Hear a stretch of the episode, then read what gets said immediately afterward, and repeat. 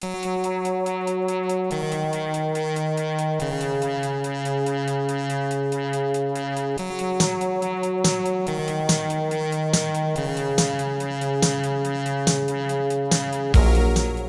to First Draft with me, Sarah Enni.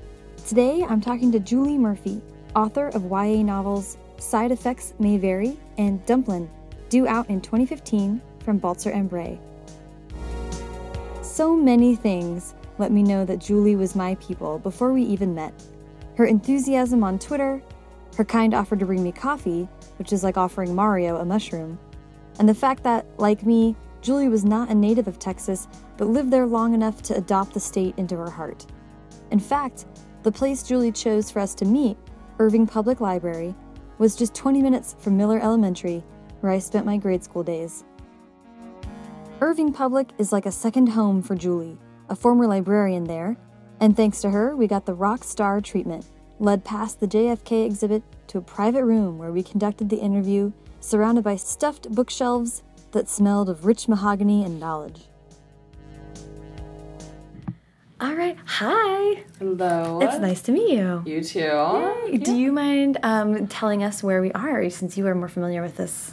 Yeah, we are recording from Irving Public Library, which is where I went to my first young adult author event. Like Ooh. maybe like four years ago. Oh my gosh, who was signing? I think the very first one I went to was Stephanie Perkins. Mm. Yeah, it was really cool. And, and she'd only had, I think, the first book out. It was just Anna was out. It was just for Anna. Yeah. Ugh, man. So I I was here at my first signing and it was really like I I was interested in reading young adult but I had never thought about writing it. I majored in political science research. So I had just graduated and was planning on going to like law school and then all of this writing stuff kind of started happening and I kind of put it off for a little while and now I'm here. Uh, where were you born and raised? I was actually born in Bridgeport, Connecticut, and I lived there for maybe like the first eight or nine years of my life. Okay. And all my extended family still lives there, so I go back and visit quite a bit. Yeah. It's been a real, I mean, it's still a real adjustment just Yeah. because, like, there are certain values that I was raised with up north that aren't prevalent down here, and there Yeah. are certain values down here that people are raised with that aren't anything anyone's concerned about up north. Yeah. So, like, still, even though I spent like 20 years here or something like that so far, it's still like a major adjustment. Yeah, Connecticut. Wait, I'm totally not going to let you get away without okay. delving into that. So, what what are what would you say are some of the things you were raised with that you were surprised down here they're not as into? I think like the first thing I noticed was like as a child and it was really like bizarre i didn't realize it was like a political thing was that there were no like real unions oh yeah. yeah like all my Texas is- cousins do like yeah all my cousins are like glass makers and like you know like trades like mechanics and things like that and there are no unions or anything like that down here for them Interesting. so that was one of the first things I noticed. And then it became like little things like that. Like everyone like prayed before every meal. Mm-hmm. And that wasn't something I mean, like we went to church on Sundays. So I was raised like half Catholic, half Jewish, because like my dad's side Oh. Is Jewish, my mom's side is Catholic. And then they sort of fused together and decided that they would be Christian. And I don't know, it's a, it's been I've had like this weird like love hate journey with religion my entire life. Being in Texas and being from Connecticut has played like a huge role in that. What brought you down here? Um, actually, this is a funny story, and I hope it's in no way offensive. Um, my mom was a real big hippie and was really into not so legal substances and things like that. And she just having a good time and you know being happy. And she sort of like as she uh, like after she had my sister, kind of got bit by like the religion bug and sort of replaced like those substances with religion. And it wasn't. I mean, it was totally fine, cool. But they, my parents ended up getting really involved in a church in Connecticut that wanted to also like plant a church in Texas. Oh. So originally we moved here for religious reasons. So you're like a missionary to Texas. Well, yeah, I guess, yeah. I mean, I hate to think of it like that, but yeah, my sister is actually a missionary. Is she Yeah, really? I'm not a religious person in any way, but my sister is a missionary. My mom's a pastor. Wowza. Yeah. Where is your sister right now? Um, my sister actually right now is in Missouri. Hmm. Um, she works for a huge ministry there, but she's been all over from like Nigeria, Croatia, China, Hong Kong, Honduras, like all kinds of places. Cool. Yeah. So you feel like you're you're it's not like an animosity relationship with religion, but just sort of you're separated from it now or Yeah, I think that like I mean I've I think I've gone past that like angsty period of my early 20s where I was like angry about religion and Mm-hmm. Yeah. angry about like judgmental people and all that stuff and I've gotten to this point in time where it's like like it's okay for you to believe in that. It's okay for me to believe in this. So I've gotten to like a really zen point in my life Yeah. about religion, but it took a really long time to get here. And I think everyone has like something in their life that like they grow to like hate because it was so much a part of their childhood. And um, I think that that for me was just like I've got to live my life outside of this. and Yeah. Be happy anyways.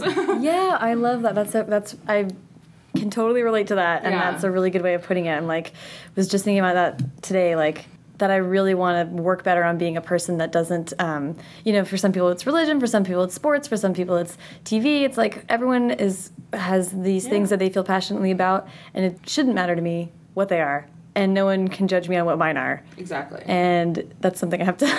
I know, and it's really easy to say and talk about, but still there are times when I'm like, oh my gosh. yeah, I'm like, why are people watching The Bachelor? That's so dumb. Wait, you can watch The Bachelor if you want. Who cares? Exactly. Why should I care? exactly.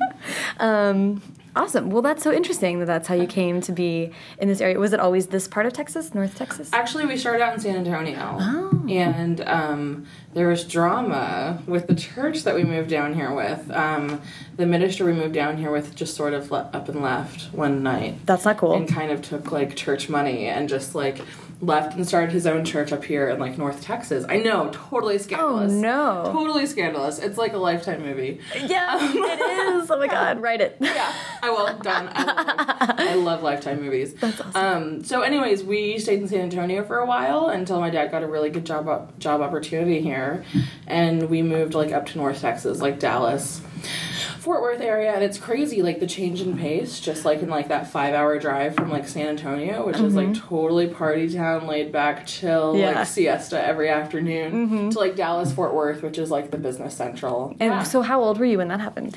I was probably eight when we moved from Connecticut to Texas, Mm-hmm. and I think I was like 12 or 13, so middle school age, which is the worst time in your life to move. Um, That's when I moved from Texas to California. it's uh, that must have been a total shock. For Oh you, my God, way. completely. well, but and actually, you're like maybe the third or fourth person that I've spoken to that moved at exactly that age. Yeah. What the hell? That sucks. It's, it's it is the worst thing ever. Um, I really thought that my life was ending because like okay, it, it took me such a long time to like integrate myself and like with my peers once Mm-hmm. I moved to Texas. Then finally, like I got a group of like five or six friends that I really was getting along with, and we were really close and like Mm-hmm. spending weekends together. And then my parents turned around and they were like, "We're moving again." And it was it was a long time before I had friends like that again. yeah. So- that's really tough. Like moving definitely played a role into a lot of my inspiration. Yeah. Okay. So. Definitely going to talk about that. But first, I want to ca- just catch up. So you then you graduate from high school up in North Texas. Yeah, I graduated from high school. Um, we were, and I wrote a Dear Teen Me about it, so I feel like it's okay to talk about. Absolutely. But we really didn't talk about, my family didn't talk about this publicly until like maybe a year or two ago. We hit a really rough spot and we lost our home like two weeks whoa. before I graduated high school. Oh my gosh. So going to college was really just not in the cards for me. We went, I went to a private school and it was so bad that we couldn't pay tuition, and because we couldn't pay tuition, they wouldn't release my transcripts. Oh Yeah. my gosh. It was really it was a really hard time. So I worked at the mall for like two or three years and I just kind of had like Wow. no sense of direction. Wow. Which, you know, I mean, it, it wasn't such a bad thing because like people always talk about gap years and taking Right. time and like yeah, working at the mall isn't like the ideal gap year. Right, right. Like that. But it was like sort of like this thing that I couldn't plan for and I just like subconsciously took advantage of it. And by the time I did go to school, I was paying for it myself and I was, you know, out there on my own and I was really making an effort to go to school and to do well, which was something I never did in high school. I was the worst student of all time. really? So it really didn't matter if my transcript had been there because I probably would have gone to community college either way. There you go. Yeah. And then by the time you got to do it, you were you had ownership of it and you Yeah. really valued it. Exactly. Like not everyone takes two or three years off and then goes back Yeah. and pursues school. That really speaks to your Yeah. drive. Well, and I, it, I think that what the hardest part about that was was that so many of my friends were having like the college experience, Mm-hmm. sororities, fraternities, or just like clubs and different things, and like living on campus, and I wasn't having that experience. Mm-hmm. Yeah, So it was another like it was another split in my life where it's like I kept a couple of my friends from high school, but for the most part, like we had nothing in common anymore. We had nothing Yeah. to talk about. After I graduated college, I worked a couple of different full-time jobs in libraries just kind of like figuring out what i wanted to do i knew i mm-hmm. wanted to go back to law school but i'd already just taken out like tons of loans Right. so i was sort of just taking time to make sure that this is what i actually wanted to do and that i mm-hmm. wasn't just spending money on something just to Right. Not have to pay on my loans. Right, right. So I I worked I mean I worked in youth services at a public library and that really helped jump like kickstart like my interest in YA. Yeah. Um, and it was a really small library in a suburb just south of Dallas. And the thing that people don't know about small libraries is they can't afford to staff actual librarians. So there's usually like one librarian per library. And then they just have to hire kids who, like me, are just out of college and need jobs and can work for really cheap. So they gave me a job and I basically did all the duties that a librarian does, but with the pay of like, you know, like a shelver. Interesting. Yeah, so I did I designed all my own young adult programs and that's like what really like helped me get into young adult. Also just being in college and not wanting to read my assigned reading and wanting to read Twilight instead, which everyone please say everyone went through this. I still love Twilight. I don't care what anyone says. Oh my god, we have we are we have to talk about it for twenty minutes. Um, I just was with. Do you know Kate Hart from yes, the internet? I love Kate Hart. Yes, me too. So I just crashed at her house and imposed upon her family for 4 days. Uh-huh. But um, she is a lovely, wonderful person, and we bonded over Twilight, and we just watched all five movies over the last four nights. Oh my gosh. That sounds like the perfect like four day weekend. It was, it was. the best. it was the best, and um, and we just talked so much about how so many of us owe our jobs, like and our potential livelihoods or current livelihoods to Stephenie Meyer, and how everyone should not forget that. You get to a certain age, and I'm kind of like done with bullshitting. So it's like Yeah. you kind of you find some things to throw out, and you're like, let's just hit the ground running with someone and figure out where we are. My people, not my people. And Twilight for me, I'm like Twilight. My people, not my people. Where do you land? I want to. Let's just find out, I and so then we can go from there. like if you were still concerning yourself with like shaming people for loving the things they love, and if Twilight is one of those things, then you are not my people. exactly, exactly. Did you start writing? Have you always been writing, or did um, like the YA librarian stuff and the writing stuff, which came first? Okay, so no, I wasn't always writing. I'll Okay. start there. Okay. Um, but I was always thinking of stories. I was recently on a panel and I was telling everyone was talking about how they got their start in writing, how like they wrote their first book when they were six and all that stuff. And I didn't do that, but I lied about absolutely everything growing up. Really? yes. Oh my gosh, that's funny. I I lied. I mean, just anytime I had the opportunity to say something that wasn't true, I did. And it wasn't because I was trying to be like malicious or anything like that. It was just because there were so many more options outside of the truth. and that's so that's so horrible and bad, I guess, to admit to. You. But I really I lied about absolutely everything and it was like my favorite thing in the world to like create a lie and have to like live with the lie. And so it was in no way writing. Like I was in no way like sitting down and like actually creating stories, but I was creating like these characters and these worlds that we were living in. yeah. Um and so that's sort of where it started, which is embarrassing. No, that's so interesting. I know, and now I really value honesty, like insanely, like honest about ab- absolutely everything, to like the point where it's actually a fault of mine. so, when did that sort of imagination and desire to create get funneled into actually writing? I sort of ran from like the idea of like pursuing something creative for a long time because back to high school, when I graduated high school, I was actually accepted to a design school in Los Angeles, and I was gonna go for uh, fashion merchandising, is what I had planned on going for. Um, and because all of those things happened with my family, it didn't Yeah. work out. And I sort of wrote off a creative career, and I decided that being creative meant you couldn't be successful. And I, especially because we were going through like all this financial turmoil at home, and like our my family's finances have always been a rocky thing, but it was like we'd actually hit rock bottom, and I needed to like I felt like I had to do something that was like the surest possible way that I could bring home a paycheck. Mm-hmm. I definitely did like every like I I went like as far left as I possibly could. I looked at like like different like majors like geology and like all these other things where mm-hmm. I thought that like a paycheck was. Right.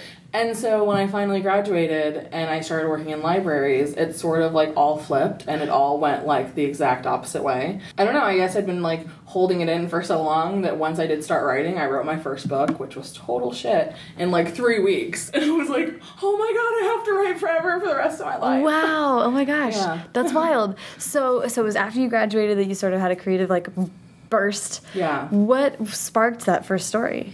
It was a story I'd been thinking of for a long time because it was about a girl moving. Um, it's I can't believe I'm actually talking about this where people might hear it, but it was a really horrible, horrible story that I had so much fun writing and that was is like still really near and dear to my heart because it was it's the reason why I'm writing.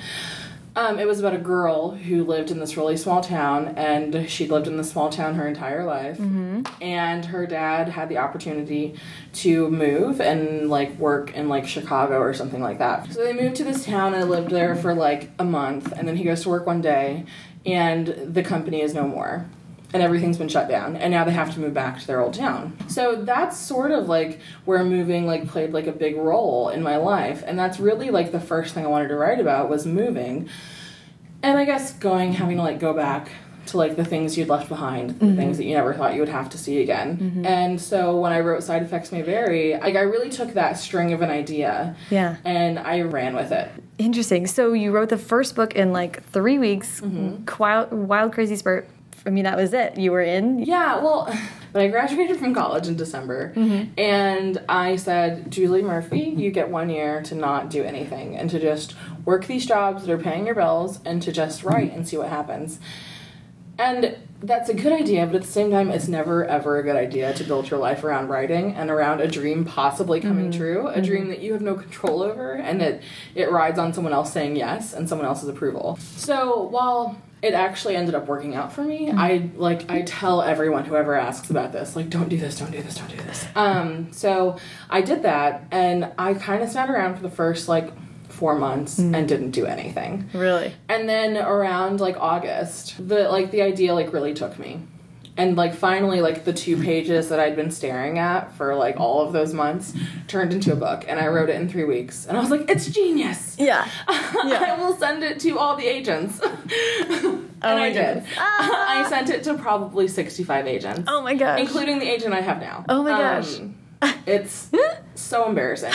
But I figure if I don't just own up to it, then, you know, We all. Oh my gosh. We've all got that book. yeah. And did that. yeah so i mean and i really like i had so much faith in the story and i think that i think that it was kind of good to have like that blind faith in myself i wish i could go back to that time totally. but at the same time i am a quick learner and it took me like a month and a half to realize this is a horrible idea um, i like this story is not well written i don't even know how to use quotations so I sort of gave myself this month of October to like learn everything I could about writing because NaNoWriMo was coming up and I really wanted to participate in it. And I didn't know what my idea was. I had no idea what I was going to write about. So I um I sort of educated myself on like the structures of a story within like a couple weeks, which is embarrassing. It's like the cheating way of doing this, I feel like. And then NaNoWriMo came around and I had recently gotten this idea for Side Effects May Vary. And I just sat down and I wrote it in a month. And then I edited it for December and January, and then I queried it in February. Wow. And then I think December had been like the mark of that year, but I felt really good about the book. Yeah. So I decided not to go to law school for like the second half of that semester. Mm-hmm. Like I said, like don't ever put your life on hold, but like you know, law school would have been a really bad idea for me. It would have been like a hundred thousand dollar bad idea for me. Yeah. Yeah, so if you have doubts about something like that, it's probably something to consider that maybe like you're not in the right, you know, field in the first place. Right. You know, I queried it in February, I got my agent in March, and we sold it in May. So Wow. yeah, That's it amazing. It was pretty crazy. I do. I want to. Why don't you, just for the um, listener who may not be familiar, do you want to give just a little breakdown of side effects? May vary really yeah. quick.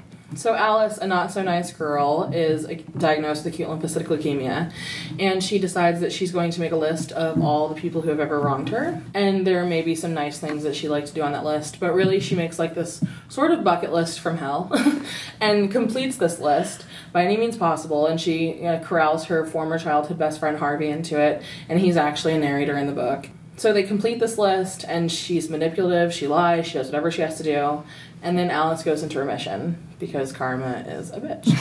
Let's dive right into it because that was my first number one thing. Is so many things I read was like Alice, who's not very likable, and I was like, what the fuck? It made me want to read it even more. Yeah. Because I hate that. Yeah. My big thing with side effects may vary. I always say that like for every book you write, you're self-examining in a way, and you're mm-hmm. trying to answer some kind of question about yourself. Mm-hmm. And for me, side effects may vary was about taking my greatest my my greatest weaknesses and turning them into my greatest strengths.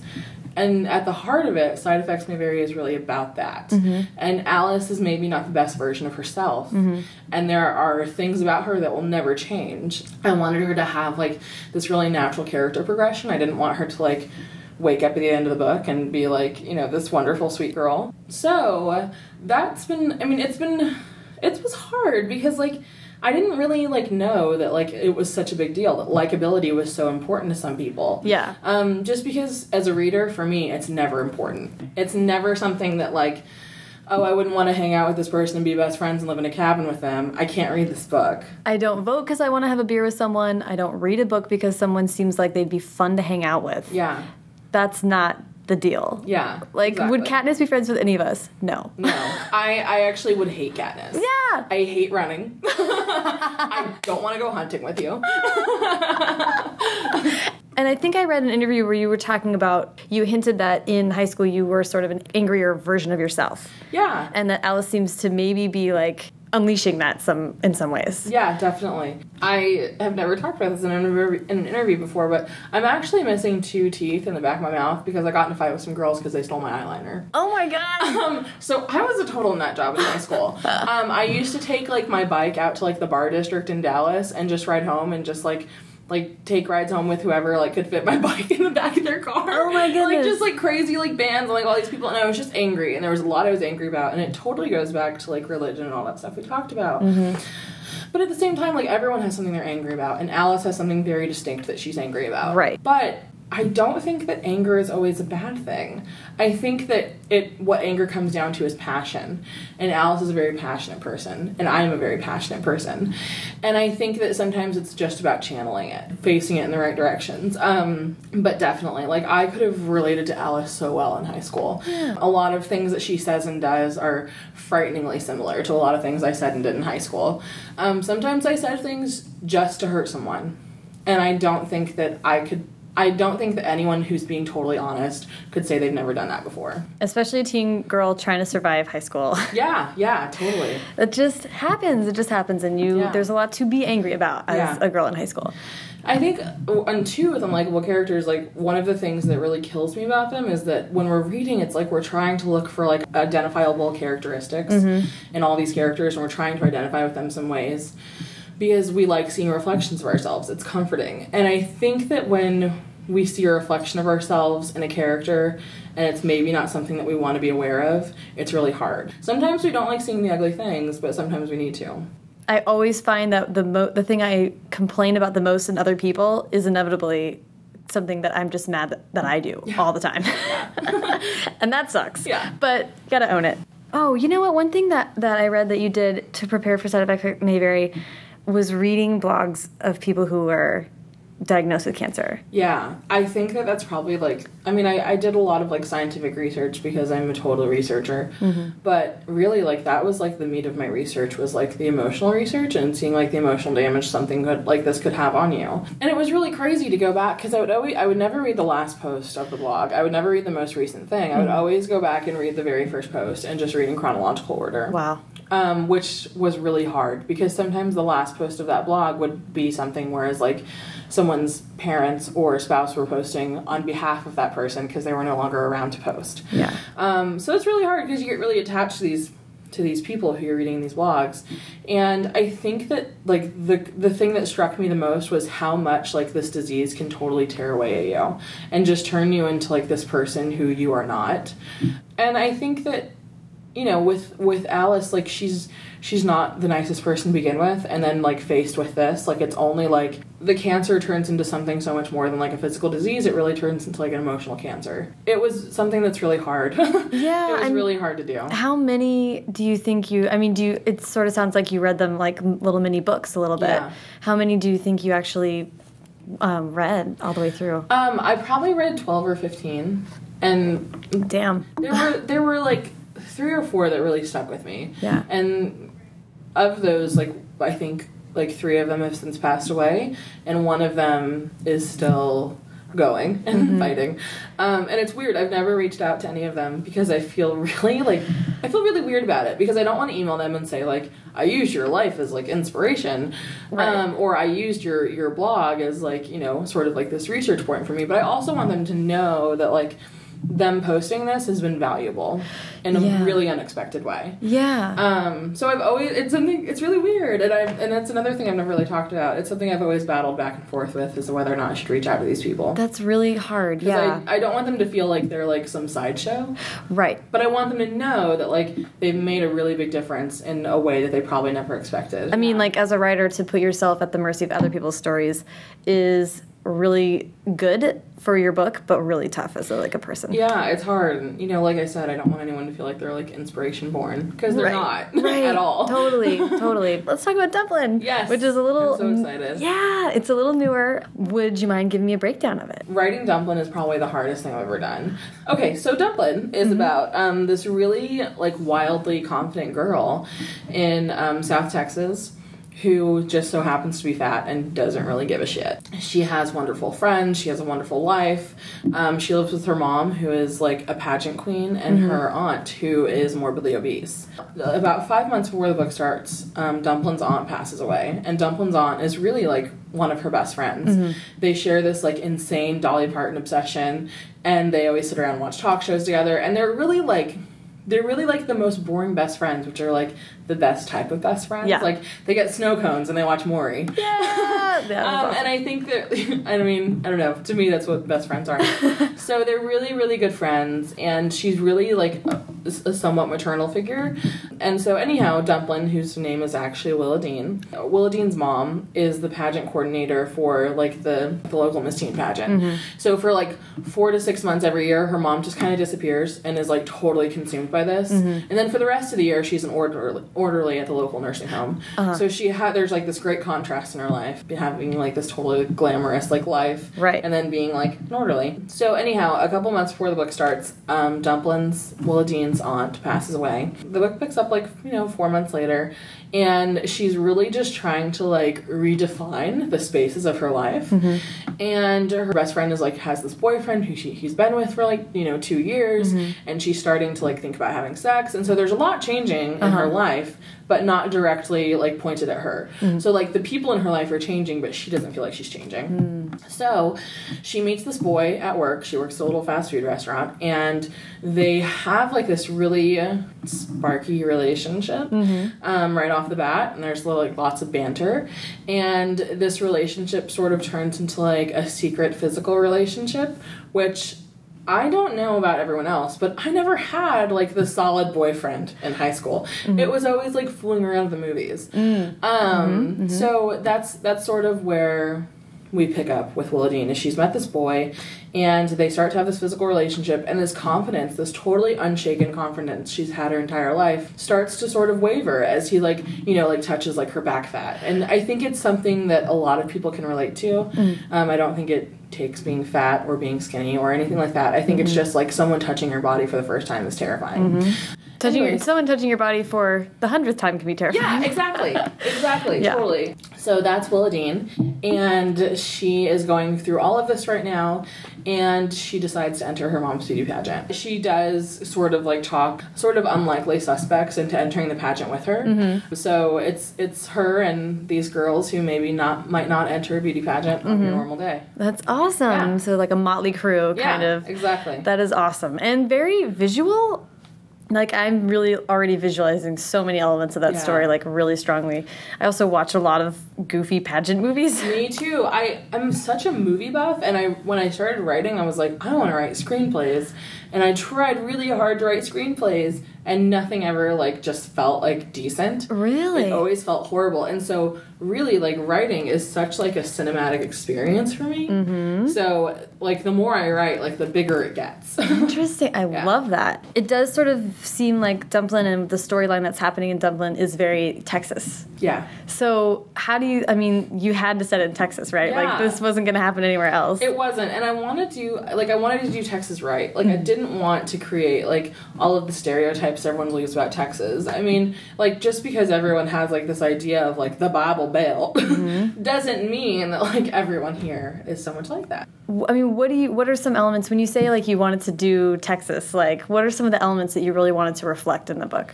Well, I wanted to. Okay, so there are mums. There's like homecoming. So we talk about mums in the mm-hmm. book. Oh my God, yes. Um, Anyone that doesn't know what these are should Google image Yeah. mums, like homecoming Texas mums. I had to do research on those for a book that I wrote and was like, holy shit. They are huge. They're and so huge. They're only getting bigger. Like I just don't get it.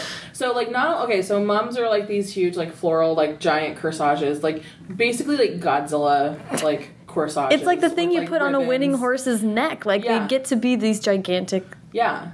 Things. And like guys wear them too. Like with like, did you know this? No. Okay, so guys What? wear them too. Oh my you God. get you get a corset or like a homecoming mum for your date too. Right. And but you put it on like a garter belt or not a garter belt, um, just like a garter, Uh-huh. and they like wear it like on their arms, God, that's like crazy. with their like awesome button-up shirts and. yeah. Because the ones that I saw were like not only was it a huge floral like explosion as like the central thing that hangs around your neck, but it's like got ribbons and bells and like writing and streamers and fireworks. Who knows? yes, yes, totally. Um, oh, that's awesome. So those are yeah, so the- happening. So mums are in are definitely in Dumplin. That's awesome. Um, there's a small gay club in the book, like just outside of like Odessa, Texas, and so I wanted to create that because there is like this like there's a really thriving gay community in Texas, and people don't know about it. Yeah. and I mean like yeah, they're on the outskirts of towns for the most part, but it's totally they're they're fun and it's vibrant, and so I really wanted to include that.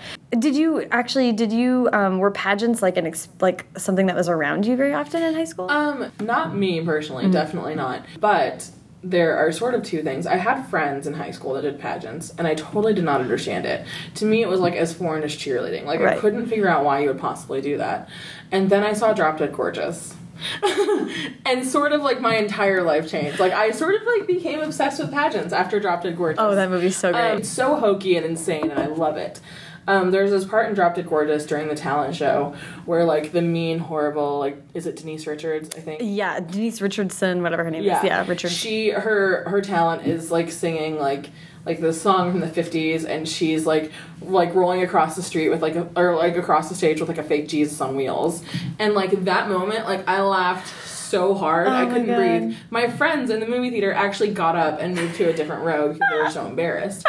Um ever since Drop Dead Gorgeous, I've been obsessed with pageants and like the Midwest and like all that. Um, I did want to talk about. So you have these are both obviously contempt books. Yeah. But I read that you are a big genre fan when it comes to reading. I am. What kind of stuff do you like to read? Um, I really so like fairies are my sweet spot. That's so Really? weird and bizarre, but I really love reading like urban fantasy with fairies. The book that like got me into these were like the Holly Black Tithe book. Oh yeah, Yeah, all my critique partners are more like genre leaning and write like horror fantasy or something interesting, like. So, yeah. interesting. Um, would you want to try that out in the future?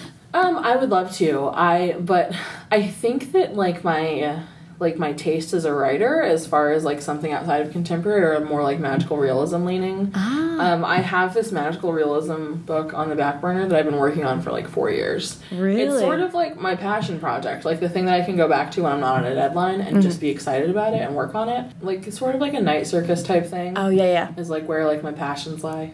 Okay, so I do want to talk a little bit about how you got into YA because I think that's a little different path for everyone. So was it Yeah. really just once you be, were started working in that library, or how did you get introduced? Well, I started reading YA, like I said, when I was in college. Um, and it was sort of like I kept hearing about this Twilight thing and like seeing like the movies coming out. And I thought it was like a boy band or something like that. Like I had like I had no concept of what it was. Like I was just like, who are these boys I keep seeing pictures of? That's like so funny. it was so weird. Um, and so it, that's definitely like where it started, but like also like I remember like I was like a total fiend for like R.L. Stine and like things like that growing up. So I always liked reading about teenagers, um, even as I got older, just because it's so fresh and fun and everything is faster moving. Like Right. all the things that everybody always says. It was sort of like like it was an embarrassing thing to like read Twilight in like Right. these classes. So it was something like I had to like get past and just embrace, and I totally have. I'm totally shameless now about it. Good. Um, Ever since you started writing, it's always been YA. Um, no. When I first started writing, I mean, I took a creative writing class in college, and that's when I started to. I really wanted to just try writing some type of screenplay just for fun. Oh, yeah. And that was always adult leaning. Um, and I think that like if you you'll notice like in all of and everything I ever write that adults are very prevalent. Just because I think that it's realistic and it's part of like this world that like not that's really like my pet peeve in YA is that like adults aren't as prevalent as they should be. Mm-hmm. because I don't think there needs to be like this huge divide between like adults and teenagers because like really like we're all sharing like the same like space. Adults are as much part of teenagers' life as teenagers are part of adults. Well, I did want to just before we kind of move to a little bit different stuff. I wanted to just know a little bit more about when you were no, you were like the YA like library event coordinator or Yeah. what was your role there? Well, actually, I basically anything that had to do with young adults, I did, um, and it started with like seventh grade on up. So I did. Um, I mean, like I did all of the program planning for like seventh grade to like eighteen years old. Wow. Um, and so I ordered all of the books, so it was really like all encompassing, and I really had to like. At that point in time, I was very much like into the YA world. Like I was very much like before I even took that job. I, that's why I applied for that job is because like I had already started going to book festivals and author events, and the the YA librarian actually here at this library that we're meeting at, mm-hmm. her name's Kristin Trevino, and we went to high school together. Cool. So it's sort of like this connection that we've had. And so when I started reading YA, she was like, "Oh my gosh, I'm reading YA," and she was in like library school at the time, and she hadn't really planned on being like a YA librarian by any means. yeah. Like we came, we became like each other's like safe haven. But yeah, when I was at this public library, I totally did like all of the event planning for like teens, and I ordered all of the books. So That's huge. it was huge. It was a huge responsibility, but it was so much fun. You know, and that's also, I think, just a really unique perspective that you get on that part of the publishing industry. Like now, as an author, what kind of leg up or just understanding do you have from working in that side of the Yeah. industry? like huge. I have so many wonderful like connections in the Texas library world and it's given me such a great advantage with writing because not that librarians don't want to search new authors out, but it's so much more convenient for them to invite you places. Yeah. Or like things like that when they already know you. Yeah. So that's been really huge. But also like I also know how like important things that you wouldn't necessarily guess are important. Like mm-hmm. all the trade reviews are important to libraries. Every library has one trade review that like that the book has to like have like a solid go from. Hmm. It doesn't have to be a starred review. Just hmm. like would you recommend this? Would you recommend or would you not recommend this? Right. So every library is different. Like some people go by Booklist, some people go by Kirkus, some people go by SLJ. The library I'm currently at, which is kind of surprising, is Publishers Weekly. Um, Really? Publishers Weekly is their big one, and you don't often see that because Publishers Weekly is wonderful and they're pretty nice to almost all authors. So um, Yeah. and I think for Irving Public Library, it's Kirkus. Mm-hmm. Um, a lot of people look to Kirkus, but also I never knew how important covers were, Mm. um, especially as a librarian, because kids aren't going to pick up a book if the cover doesn't like totally just take them. Yeah. I never realized how important that was when I was ordering books. Hmm. Um, I like some of my favorite books never got checked out because they didn't have like this gorgeous cover. Mm-hmm. So like the girl in dress trend, yeah, it was totally hot and awesome because people were buying those books and picking them up. Um, and maybe everyone was tired of it, but it worked. Yeah, that's so interesting. Yeah. That's a tough thing to recognize because you also know, of course, that that's totally out of yeah. your control as it's a writer. totally out of your control and i think that like i know a lot of writers who are involved in various parts of publishing and i think there are different degrees to it like i sort of have like a behind the stage view of like the library world Mm-hmm. and that's sort of as far as i want to go like i don't want to have like a further behind the stage view like you don't want to take away like the beauty of the dream. Mm-hmm. you know what i mean? And i have friends who are like actual editors in ya world. And like they know like black and white like how it works. Mm-hmm. and i just don't want to know. Like i just still want to be able to like be excited and pumped and you know what i mean? Like i just don't want to know the business aspect of yeah, leave a little romance. yeah exactly exactly You're on the foreground of interacting with kids. Yeah. And also seeing how kids recommend books to other kids. yeah Or like how that works. yeah Because it's really Um, different. Like an yeah. adult would sell a book to a kid and it would and it that's works one, one way, but kids talking Yeah. to kids about books is really different. it is really different. It's sort of like it's crazy because like as YA authors we're writing for teenagers, Mm-hmm. but it's sort of like the fashion industry and that like there are these trends that are hitting the fashion industry right now that we the consumer won't see for like another 2 to 3 years. Yeah. And that's how YA is. You know, like right now everyone's like contemporary contemporary contemporary, Mm-hmm. but it's just now starting to hit kids and they're just now starting to talk about it to each other. Interesting. But when agents and editors weren't taking contemporary, all kids were talking about were like paranormal romances Mm-hmm. and fantasy and all these things. I really hate when people say like certain genres are dead because Right. there's always a reader for them. Yeah. Like I feel like especially like with paranormal romance, like people will always read paranormal romance. It is such a staple. Yeah. And yeah, we were inundated with it for a while, but I think that like there will always be room for stuff like that. and Kate and I were talking about that where we were like rewatching all these Twilights, and we were like, you know, what would it take to, you know, when will this be popular again? It's only a matter of time. Yeah. Vampire stories are perennial. They're never going to go away. Mm-hmm. What is it that's going to bring that back, I wonder, because it's going to happen. And it was just like, you know, all it's going to take is something like that that is a totally new twist. Yeah. Just a totally new story, something that no one can see coming. And it is interesting that right now it's contempt because it's like standalone contempts, which isn't a trend so Yeah. much. It's hard to pinpoint what that means. Yeah. Um, and just you never know when around the next corner is going to come the huge book with that amazing twist that gets everybody jazzed about Yeah. something totally different. It's extra weird with contemporaries because they're always very present in like the library world Mm. because like a contemporary is like it's so much easier to like hand a book to a kid about something in particular i hate to say issue book but then have them read it and come back and it be like a discussion topic Yeah. so contemporary books have always been really popular in the libraries and the schools and now they're just sort of like making their way out Yeah, yeah, yeah. So- interesting. I like that. You, so you have a part-time job, so you um, which forces you to leave the house, but you work from. Yeah. home. I work from home. It's hard to leave the house sometimes. It's really hard to leave the house, and I think I'm going like I'm gonna start full time writing Really? soon, hopefully. And it's just it's I don't know like.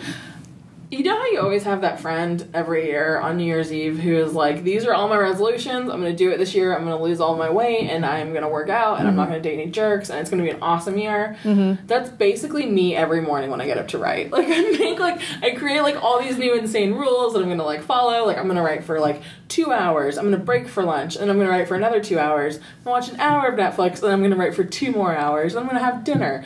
No, my life does not work like that. Yeah. And I wish it did. And I always try to like push like my like my writing world into like these little boxes. It never works. It's horrible. And thank God my husband is wonderful and understanding, or else it would probably ruin my marriage. But the best times for me to write are from eleven o'clock at night till five in the morning. Really? Yeah. Well, I mean, like half the world is dead. Right. like my Twitter feed is like asleep. That's true. there's Um, no new Instagrams. There's yeah. no new tweets. yeah. There's nothing really good on TV. Yeah. Have you had success with just sort of going with it? Yeah, and you know, I only I only really let myself write during those hours when I'm like coming up on a deadline. Hmm. Writing Dumplin was mm, the hardest thing I've ever had to do ever. It was Yeah, so hard. I guess it took like probably like six months to write Dumplin, and I spent most of that time writing from like eleven at night till five in the morning. So, So you were nocturnal for half yeah, of a year. Yeah, it was it was really hard. Well, and when you say it was really hard, um, that makes sense. It would be hard on Yeah. a personal life to have to keep those kind of hours. Was it a hard book emotionally also to write? it was really I I didn't know how hard it was going to be. Hmm. When we pitched Dumplin to my book we, or to my editor, we'd actually pitched her another book, Hmm. but she was like, "I like the idea, but I think that you know it needs some fine tuning. I don't think this is the right thing right now." Mm-hmm. When she got that call, when my agent got that call from her, she turned around and said, "Julie's working on this other book." called Dumplin, and it's just like a side burner or like you know like this like side project she's been working on. Would you be interested? And it was kind of like, oh no, like I'm not ready to write this book. right. And then my editor was like, "That sounds like so much fun. Yes, I want to see it." And so we sent her in the sample pages, and it like within a week they were like, "We're buying it. Cool, let's do this." Wow. So now you're on the hook. Yeah. So now I was on the hook for this book, and I was excited because it was a story I wanted to tell, but it was really close to home. I mean, I've always been like the fat girl in class, um, and I think that there's a lot of like really good conversation happening, especially online about like body positivity and like ex- like size acceptance and like all these different things. And so I knew I wanted to write a book about this, but I mm-hmm. knew that it would also like cause me to come to terms with a lot of things about myself. Mm-hmm. And it's really hard to write a book about someone who loves themselves when you think that you love yourself 100% and then you find out that maybe there are like some holes. it was really hard because like as much as like as much as the main character was having to like examine herself, I was examining myself. And maybe I took it too hard. Maybe I took the whole thing too personally. But it's really hard for me not to like go like headfirst into a project and to feel like that just as an example, like I was on a writing retreat around the time that they decided that this was going to be the we all decided. I don't want to say mm-hmm. they. We all decided this was going to be the second book, and I read the first chapter, and I couldn't get through the first chapter without crying. And so like someone else had to read the fir- the first chapter for me, and like the whole writing retreat is all crying, and we're all like, Yeah. we're all like such a mess, and it's because like. It's hard to write something that close to home.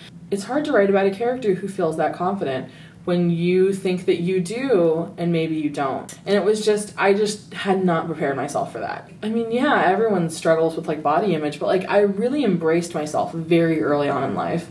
I've always been very confident and I've never like I never thought I had any problem at all with like who I was or what I looked like or how other people perceived me. Mm-hmm. But like all of a sudden, like it was just this like day of reckoning every day when I sat down to write. Yeah. And it was a lot. Yeah. So you, I mean, what do you think? I'm, I'm interested in this too about how, as writers, we subconsciously Yeah. talk to ourselves about um, ourselves. yeah. Because you came up with the idea. I mean, you knew it was like your brain saying, here's a great idea that will force me to go through this. How do you feel now on the other end of, of getting this mostly done? Um, you know, I don't think it's ever the right time. Like, I, I will never, I will never have been ready to write Dumplin' until I just forced myself to write it. And we're going through like a very similar experience right now for what will hopefully be my third book. It's just, it's another thing that feels very personal and very close to home that I just don't know if I'm ready to write about yet. Really? But it's kind of like, it's the perfect storm. Like because I'm, it's so personal like all the characters are coming together the plot's coming together. Like it just makes sense for this to be the third book but am i ready to write about that and put myself through this? Yeah. so um we'll see. I don't know. Um it's just it's really hard. I think what like sort of adds to it all is that like i i wrote like everything up until like dumplin i wrote within like a month Right. and so I just sort of wrote it so fast that I couldn't even really think about it. And then as I'm revising it, I'm like, oh, this kind of like really makes a lot of sense to me, and this sort of like really like speaks to me. Um, and now with like Dumplin', like I really took my time and wrote it, and it was just like every day, like every word was like, you know, pulling at your soul. yeah, yeah, yeah. I think it's so interesting because I feel like that does reflect a, co- a self confidence because you are doing it to yourself. There's like a coach Yeah. in your head that's being like, no, it's time. Here's the idea, and it's gonna happen, and you're doing it. yeah. I'm really impressed by it, and I'm I'm curious if you've thought about what it is inside you that propels you to do the challenging thing.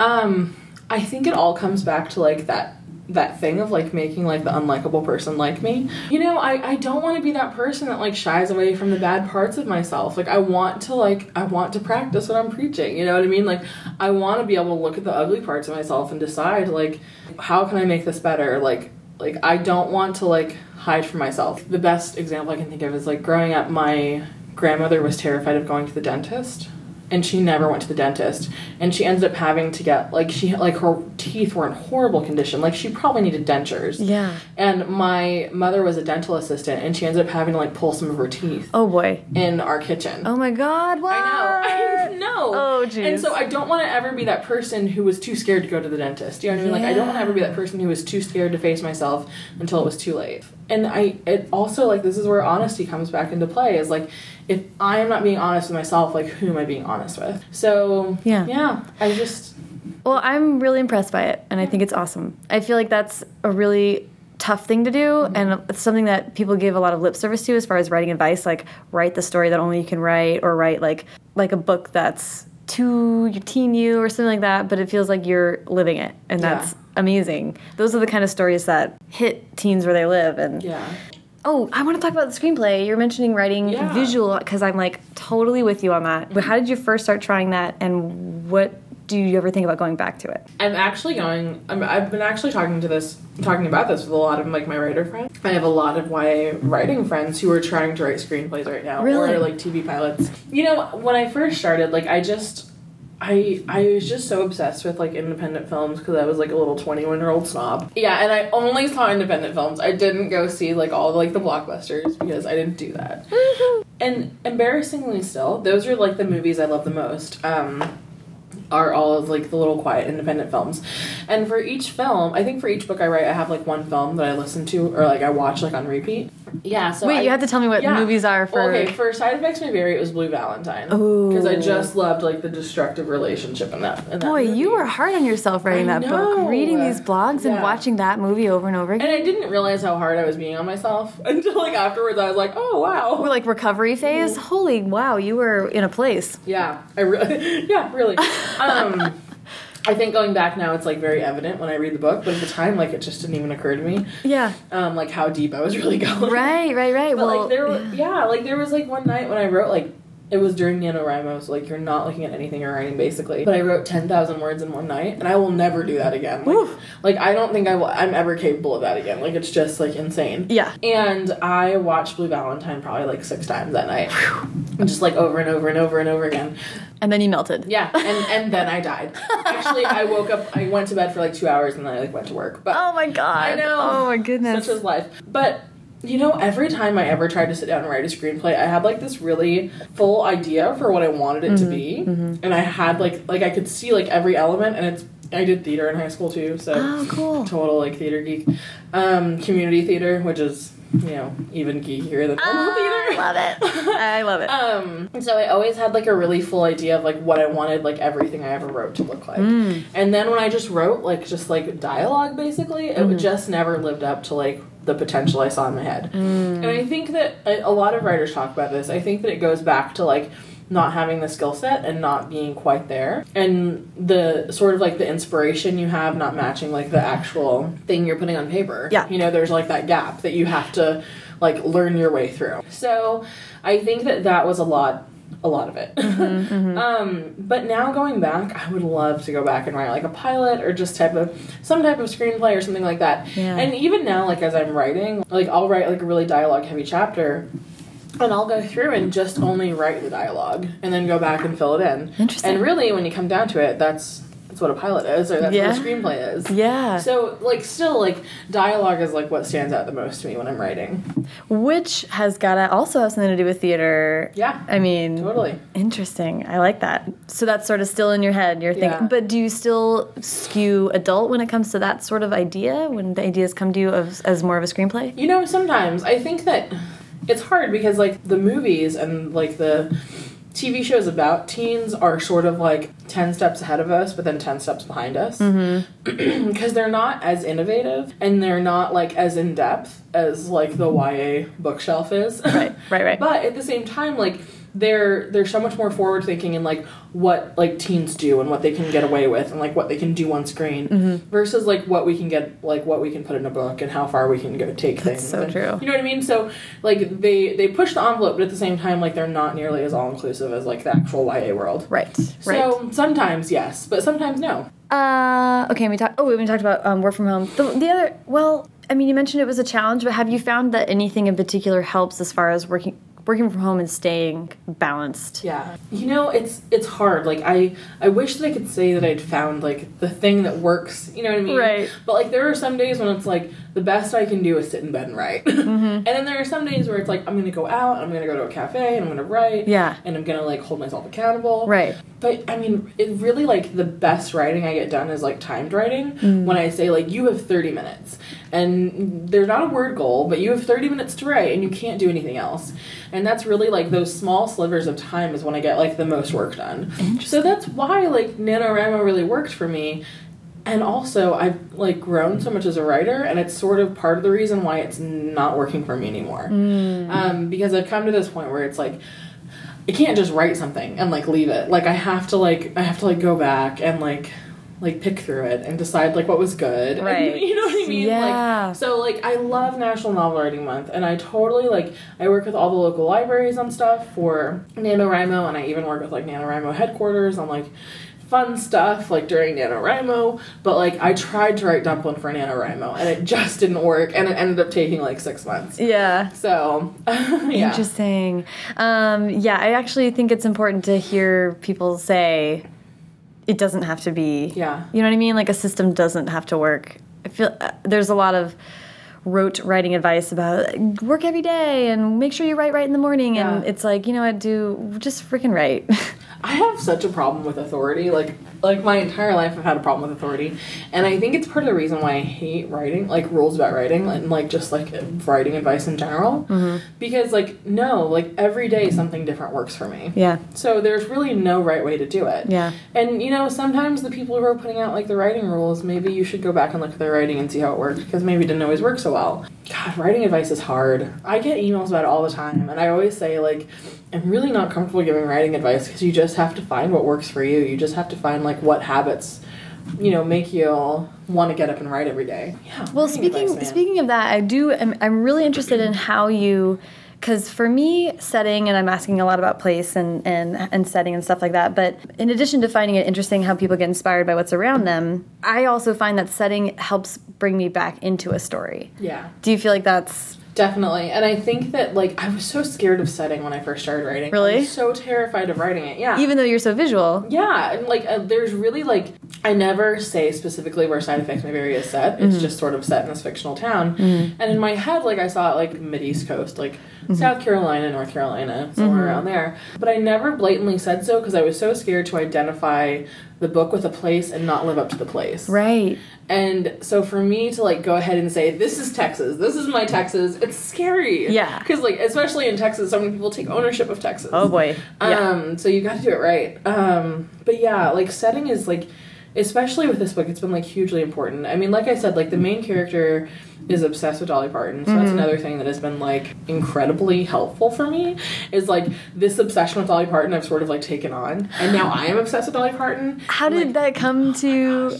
How did you decide to bring that as your character's thing? I've always loved Nine to Five.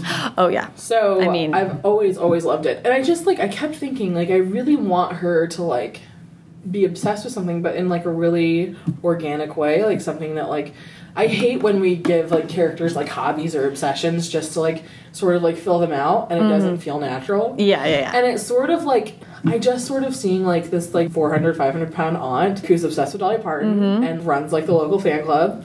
And That's so like, great. and as like as so as her aunt became more real to me, I mm-hmm. suddenly like realized like she couldn't live in this house and not taking it one way or the other. Not have Yeah. either loved Dolly Parton or hated Dolly Parton. Yeah. I mean it the Dolly Parton thing happened like overnight. Really. Like it was just like I woke up one morning and I kept thinking about like I just read like something ridiculous about Dolly Parton. I've always kind of like had a thing for Dolly Parton. My husband collects records and so we've always like anytime we see a Dolly Parton record we buy it just because they're all ridiculous and so fun. Oh my god, yeah. And I don't know a single person who doesn't love the song Jolene.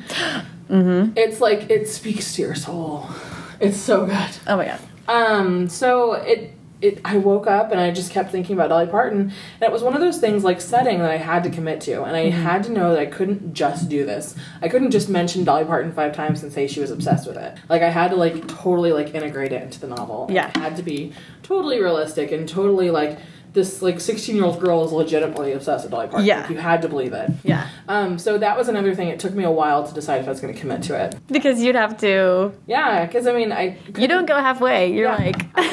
like she had to like legitimately love Dolly Parton. So you had to legitimately love Dolly Yeah. Parton. That's and now amazing. I do, and I went to her concert, saw her live, and You did. yeah, and I think I'm going to Dollywood in October, maybe. Oh like my it's gosh. just, and now I'm just obsessed. Like now, I this is embarrassing. I have Google alerts on Dolly Parton. Like when like like new news stories come up, I've seen like every Dolly Parton documentary ever. Oh, oh, those would be fun to watch. So yeah, and it's crazy because music was never a part of my process. Like I've always had like a set playlist, but Mm-hmm. it's really like the same music I've been listening to for the last ten years mm-hmm. until Dolly Parton.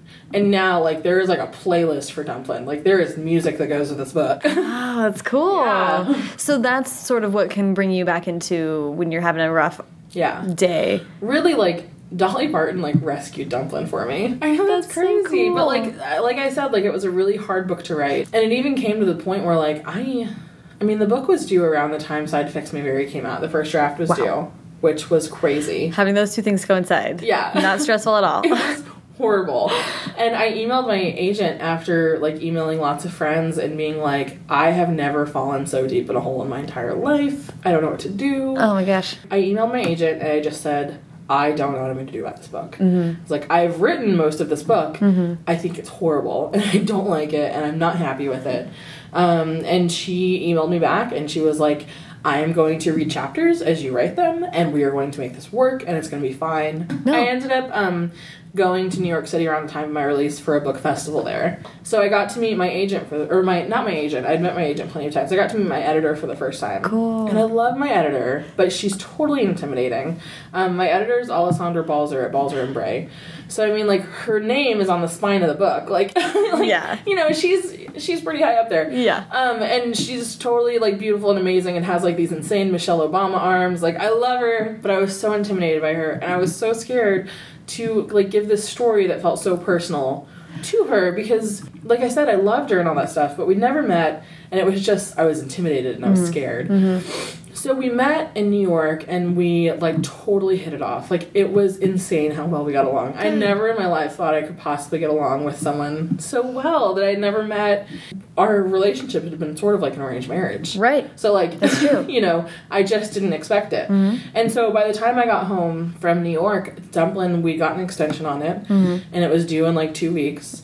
And I basically powered through like the last third of the book and I think that's like where for me like the heart of the book is and like the last third of the book. Yeah. And it's because I met her and because like I finally felt comfortable to tell the story to someone. That's so huge. Yeah. And because there is a lot of, I mean, whatever, you, readers can be this sort of faceless, mm-hmm. you know, mass. But not. Yeah. only is she going to read this extremely personal story, she's going to critique it. Yeah. And that's hard. Yeah. Like critique partners take a long time to get and to trust and to and you establish a relationship with them. Yeah. And even though you already had she was the same editor for side effects? Yes. Yeah. You know, even though this is this is like a different story and a different Yeah. part of you that um, she'd have to be careful with and and respectful of. So Yeah. That's really cool. You got to meet Well, her. and I think it, what was weird is for like side effects, like I addressed edits in unfortunately much of the same way that Alice might, and that Really? like there were things that like there were things that I definitely said yes to, but there were things I was going to fight for, Mm-hmm. and I was going to I was I tried really hard to be smart about how I fought for them. I tried to give like actual reasons for why this should exist, or try to improve it in a way Right. that like she would agree that this is like integral to the story. Mm-hmm. So, but for Dumplin, it was totally different because I was just terrified because like I just like for, I'm not like a hard of my slave type person, and that's what this book feels like for me. Um, Mm. Yeah. So I'm really happy with how like it was received by her and how it all ended up working, and I think that you know we're all really excited about it and. You know, with an editor, it's a little different than a critique partner because they're putting their name on the line. You know, That's true. so That's really true. yeah. For this book was such an experiment because I really was like experimenting with like different mediums. So I didn't really uh, like I didn't identify with movies as much as I have in the past. And it was so much more like music and reading like like pieces like from like women about like coming to terms with themselves and you know, it was really it was really different for me. Yeah, that's really cool. The writing community Yeah. and a community of writers. How did you? When did you first start reaching out to other um, writers? I first started reaching out to like other writers, especially online, after I drafted Side Effects May Vary. Mm, okay. because the main thing missing from that first book well was plot um, but it was also like someone to critique it for me Yeah. um, I, I had friends that were sort of interested in writing read it for me Mm-hmm. but like having people who were totally like into like querying and all this stuff Yeah. was totally different. So that was the first time I started reaching out to like peers who were also querying.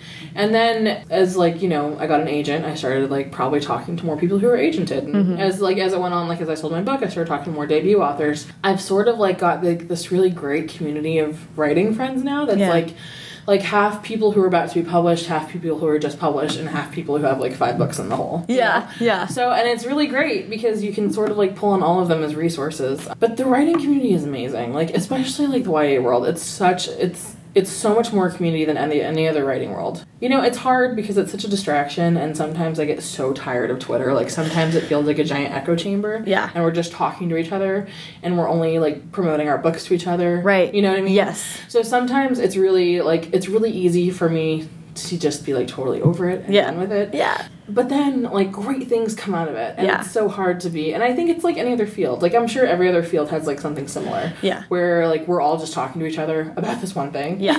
Well, yeah, you know, academics Yeah. will get um, Yeah, real deep into that too. So, Yeah. um, I agree. Like some days it feels like we're all shouting at each other. Yeah.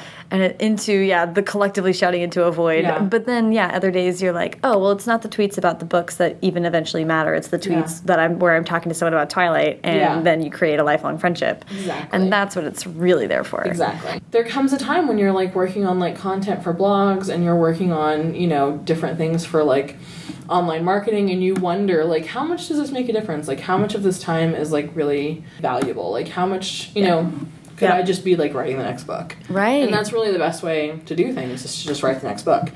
Um, thank you so much. Yeah, this was you. so fun.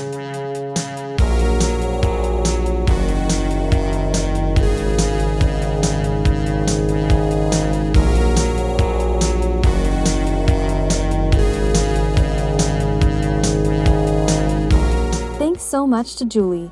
Follow her on Twitter at and I'm Julie, and follow the show at First Draft Pod and me at Sarah Enni. If you're digging the podcast and thinking, how can I support it? You are in luck. There are so many ways you can contribute to keeping First Draft going. Visit www.firstdraftpod.com and pick up some sweet swag, including book sized tote bags and prints with some of my favorite interview quotes. And you can find great bonus content from previous interviews there as well. And of course, you can always donate on the site on a one time or continuous basis. All those things go 110% to keeping First Draft and my brain operational. Check us out on iTunes or Stitcher to subscribe and leave a rating or review. If giving me coffee is like Mario getting mushrooms, then an iTunes rating is like a shining invincibility star. I want to say thanks to Hash Brown, who composed our theme song, and word up to Colin Keith, who designed the logo. And to all of you, Luigi's to my Mario, thank you, thank you, thank you for listening.